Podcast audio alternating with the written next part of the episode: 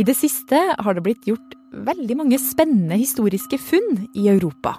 And the heat wave in Europe is revealing an unexpected swathe of long hidden evidence for military historians. I elva Donau har det dukka opp gamle naziskip som sank under andre verdenskrig. Sunken German warships from the Second World War being exposed once again. These boats are located in eastern Serbia and were part of Germany's Black Sea Fleet. Og i Italia detonerer de nå bomber fra samme krig, som har dukka opp etter at elva Po har tørka mer og mer inn.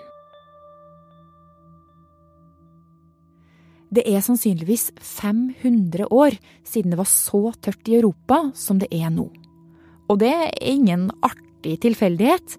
Det er fordi klimaendringene vi lenge har blitt advart mot, er her. Det vi har opplevd og sett av tørke og hetebølge i Europa i sommer, er sannsynligvis det verste på mange generasjoner. Det er faktisk grunn til å være redd for at klimaendringene kommer til å forandre oss totalt.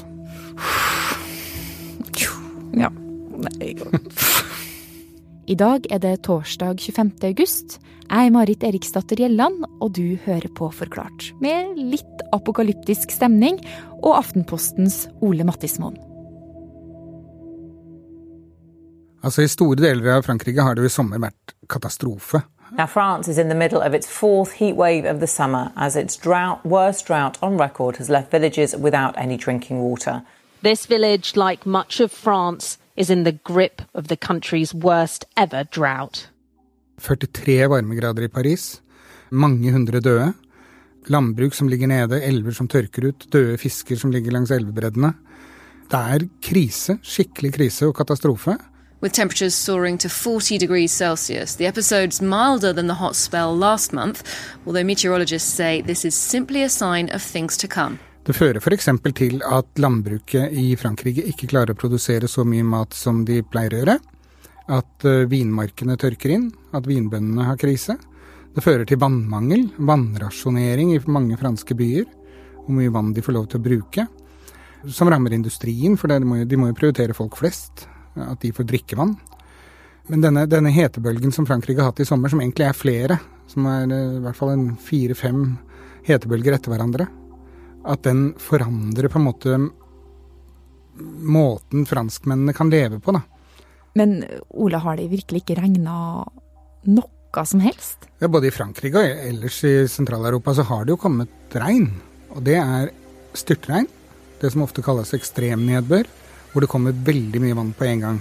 Fordi at når det er så varmt, så fordamper jo vann fra jord og fra elver og fra innsjøer. Så samler det seg i atmosfæren. Skyene bygger seg opp, blir veldig høye. Og så når det først er nådd et visst punkt, så begynner det å regne. Og da kommer alt på en gang og raser ned. Og, men det er liksom ikke det bøndene trenger. For styrtregnet, det tar med seg jord. Når det kommer, så kan det ødelegge avlingene, rett og slett for det kommer så hardt og så mye på en gang. Og så renner det unna. Og så må du kanskje bare allerede i løpet av en dag eller to må du vanne igjen. Fordi at jorda under er ikke blitt fuktig. Og mens regnet styrter nedover Frankrike, rammer enorme skogbranner Spania. Der er de nå på vei i sin sjuende hetebølge denne sommeren, med temperaturer opp mot 40 grader. Og når det er varmt, så opptrer skogbranner enda mer aggressivt på en måte enn de gjør vanligvis. Og det blir sånn ildstormer som på en måte forsterker seg selv, hvor ilden suser fremover i en vanvittig fart. Og nesten, eller i realiteten helt umulig å slokke. Og store områder har vært evakuert, og enorme områder på tusenvis av hektar er brent ned. Og hva har da konsekvensene av denne heten og de her enorme brannene vært? Altså, Spania, som for så vidt Italia og Hellas, er et veldig viktig sånn produsent av mat for hele Europa. Eh, hvis du ser på grønnsakshyllene i norske butikker, bortsett fra akkurat nå på sensommeren, så kommer jo veldig mye av det fra Spania.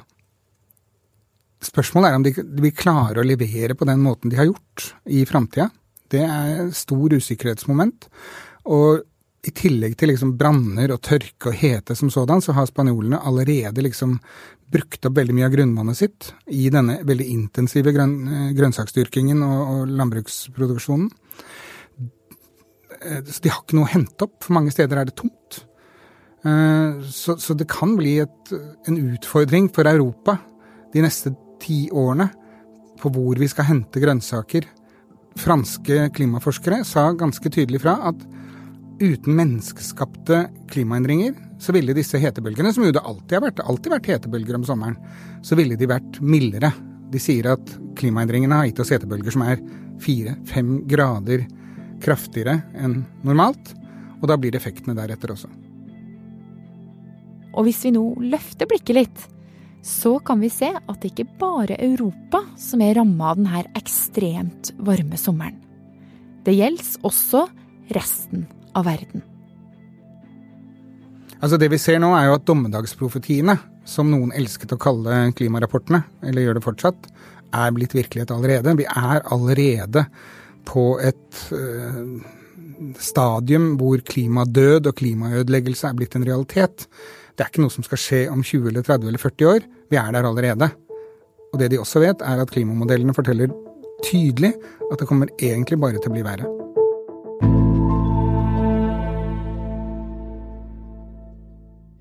Ole, det er altså en av de tørreste somrene i Europa på flere hundre år. Hvordan er det i resten av verden, da? Hvis du tar de siste årene, så har det vært kjempeille nesten overalt. I fjor hadde du en ekstremtørke og hetebølge i, i USA og deler av Canada, faktisk. Det er fortsatt tørke der. There's no escape from the heat, right? Even in the shade when it's 90 degrees, it's still sweltering. Afrika sør for Sahel-beltet har hatt tørke i realiteten i flere år, med mange tusen døde. We're now looking at 20 million people marching to starvation here in the Horn of Africa. Men også Asia. Heat waves, scorching temperatures, drying up water supplies. The longest and most severe drought in recent history. It started in the month of June. It shows no signs of ending. China's largest river, the Yangtze, has dried up. Det nye i anførselstegn i år, er, er en, nå i sommer, er en mer enn to måneder lang sammenhengende hetebølge som har hengt over Kina. Og gjort Yangtze-floden til en Yangtze-elv. Der bor det 400 millioner mennesker som rammes av drikkevannsrestriksjoner, stengt industri og en enorm hete. Shopping centres have been ordered to close early, factories have temporarily shut down, and the lights on Shanghai's famous waterfront are to be turned off. Du har hatt hete i Japan som har tatt livet av mange hundre mennesker. Sånn at det er i ferd med å bli en slags global trend, hvor man ser disse hetebølgene nærmest avløse hverandre. Og dels flytter seg rundt i verden, og dels er på flere steder samtidig.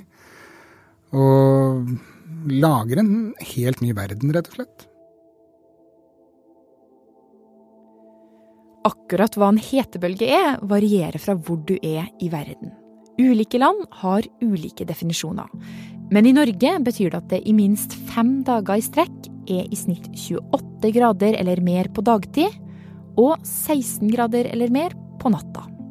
Altså sønnblokk på huden, lunsj i skyggen og sov uten dyne på natta. Og hetebølger, det skal altså bare bli vanligere og vanligere. Og det er liksom trekket, det er at hetebølgene blir varmere, og de varer mye lenger. Og alle hetebølger går jo over etter hvert. De, de, de, varer jo bare en viss tid. Men problemet holdt jeg på å si, det er jo at de kommer til å komme igjen. Der hvor det før var vanlig med en hetebølge kanskje hvert femte år i Frankrike, så kommer det nå nesten hvert år.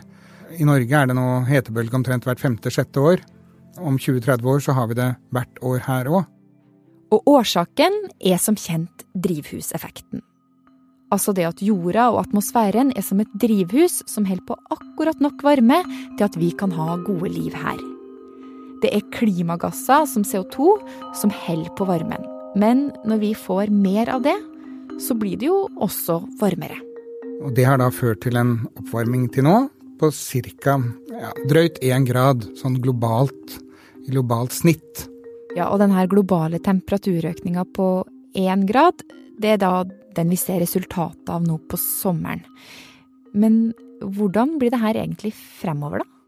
De vet ganske mye om det. Parisavtalen, store klimaavtalen som ble undertegnet i Paris i 2015, den har jo satt 1,5 grad som et mål, at vi må stoppe da. Eller maks to grader, da. Men nå har vi fått én grad til nå, hvis vi klarer å stoppe på to grader, så vil jo det gi enda tøffere konsekvenser enn vi har nå. Men vi er jo ikke på vei dit. I øyeblikket så styrer vi stødig mot to og en halv, kanskje 3 grader dette århundret. Så da snakker vi om en tre ganger så høy oppvarming som det vi har hatt til nå. Men utslippene, de fortsetter å øke. Og, og det, det, paradoksale er jo at nå er jo snart utslippene fra aircondition, luftkjøling, større globalt enn utslippene fra oppvarming. Men Ole, med de her eh, modellene som uh, egentlig spår ganske dystre fram, framtidsscenarioer, da. Mm. hva vet vi om hvordan det vil være å være i Frankrike eller Spania da om 20-30 år? Altså, det spørs jo helt hva vi gjør, da. Klimasystemet har store forsinkelser. Det er ikke sånn at utslippene fra ett år syns neste år. Sånn at det vi nå ser av eh, klimakonsekvenser, det er et resultat kanskje av utslippene våre for 10 og 20 og 30 år siden. Men hvis vi nå klarer å kutte, så vil vi da se positive resultater om 20 år, 30 år. Da vil ting begynne å bremse på flate ut. Men hvis vi ikke klarer å kutte nå, og kanskje først setter i gang med ordentlig store kutt om 20 år, da vil det gå ytterligere 20 år før vi klarer å begrense klimaendringene. Det er derfor det er så viktig at vi kommer i gang fort med store tiltak. Med, med de utslippene som er globalt i dag. Europa kutter jo utslippene. Her går det riktig vei, men vi er nå bare en bitte liten del av verdens utslipp. Men hvis det fortsetter, økningen fortsetter, så vil vi se at det klimaet de har i Sør-Europa i dag, har vi i Norge om 30-40 år på det tidspunkt så vil det være helt utenkelig å reise til Syden om sommeren for nordmenn. For det er ikke noe poeng, du kan ikke være ute. Det forskerne tror, det er jo at om 20-30 år, hvis det går så galt, og hvis vi ikke klarer å kutte, at folk i Sør-Europa kommer til å komme til Norge på sommerferie for å få en levelig sommer å kunne være ute i. Så det vil altså være for varmt da, til å kunne gå ut mange steder på kloden. Men hva vet vi om hvordan det blir de delene av Europa og verden som allerede nå sliter med ekstreme hetebølger? Det blir bli mer regn, mer flom. Havnivået stiger. Altså, antall klimaendringer er jo ikke begrenset bare til hetebølgene. Og når det er matmangel, så får du lett konflikt. Da får du lett krig. Og, og det ikke minst det at folk begynner å flytte på seg. At du får folkevandringer, flyktningstrømmer. kommer til å bli noe vi er nødt til å forholde oss på en helt annen måte de neste tiårene enn det vi har gjort til nå. Til nå har vi sett flyktningstrømmer og folkevandringer dels pga. sult, men mye pga. krig.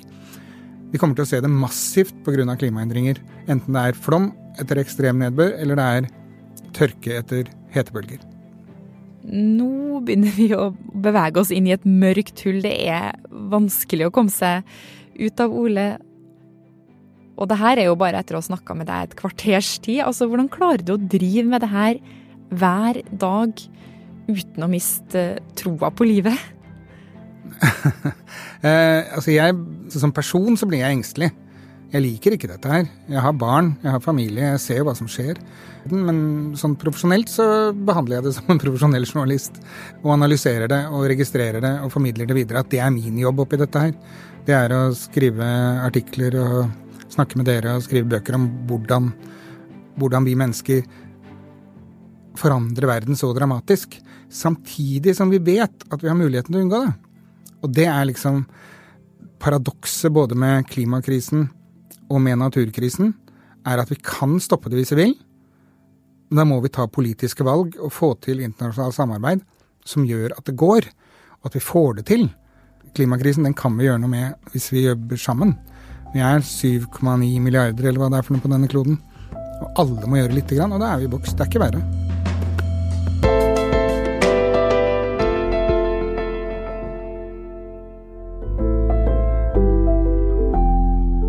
Aftenposten-journalist Ole Mattismoen som har gitt oss en liten kalddusj nå etter sommeren. Lyden ellers var fra nyhetsbyrået AP, CGTN Europe, The Weather Channel Wyon, BBC, Sky News, France 24 og CNBC. Episoden er laga av Fride Næss Onsdag og meg, Marit Eriksdatter Gjelland. Resten av Forklart er Jenny Føland, Synne Søhol, David Vekoni, Anne Lindholm og Anders Weberg. Overgangen, en ny serie i tre episoder fra Fortalt. En familie på fire dro på ferie til Danmark. Men da de skulle krysse en jernbaneovergang, ble livet snudd opp ned. Har du en pappa? Det har ikke jeg. Men det denne historien handler om, er tida etterpå. Dette er en serie om å lære seg å overleve for de to som er igjen. Men hvordan er det mulig for moren Marte å gi slipp på det som skjedde, når flashbackene fra møtet med toget velter inn? Og så husker jeg spurte. Spurte til Benjamin. Og årsaken til ulykken viser seg å være et mysterium. Jeg eh, er 100% sikker på at det ikke var noe signal. Hør fortalt førstkommende søndag i Podme eller i Aftenposten-appen.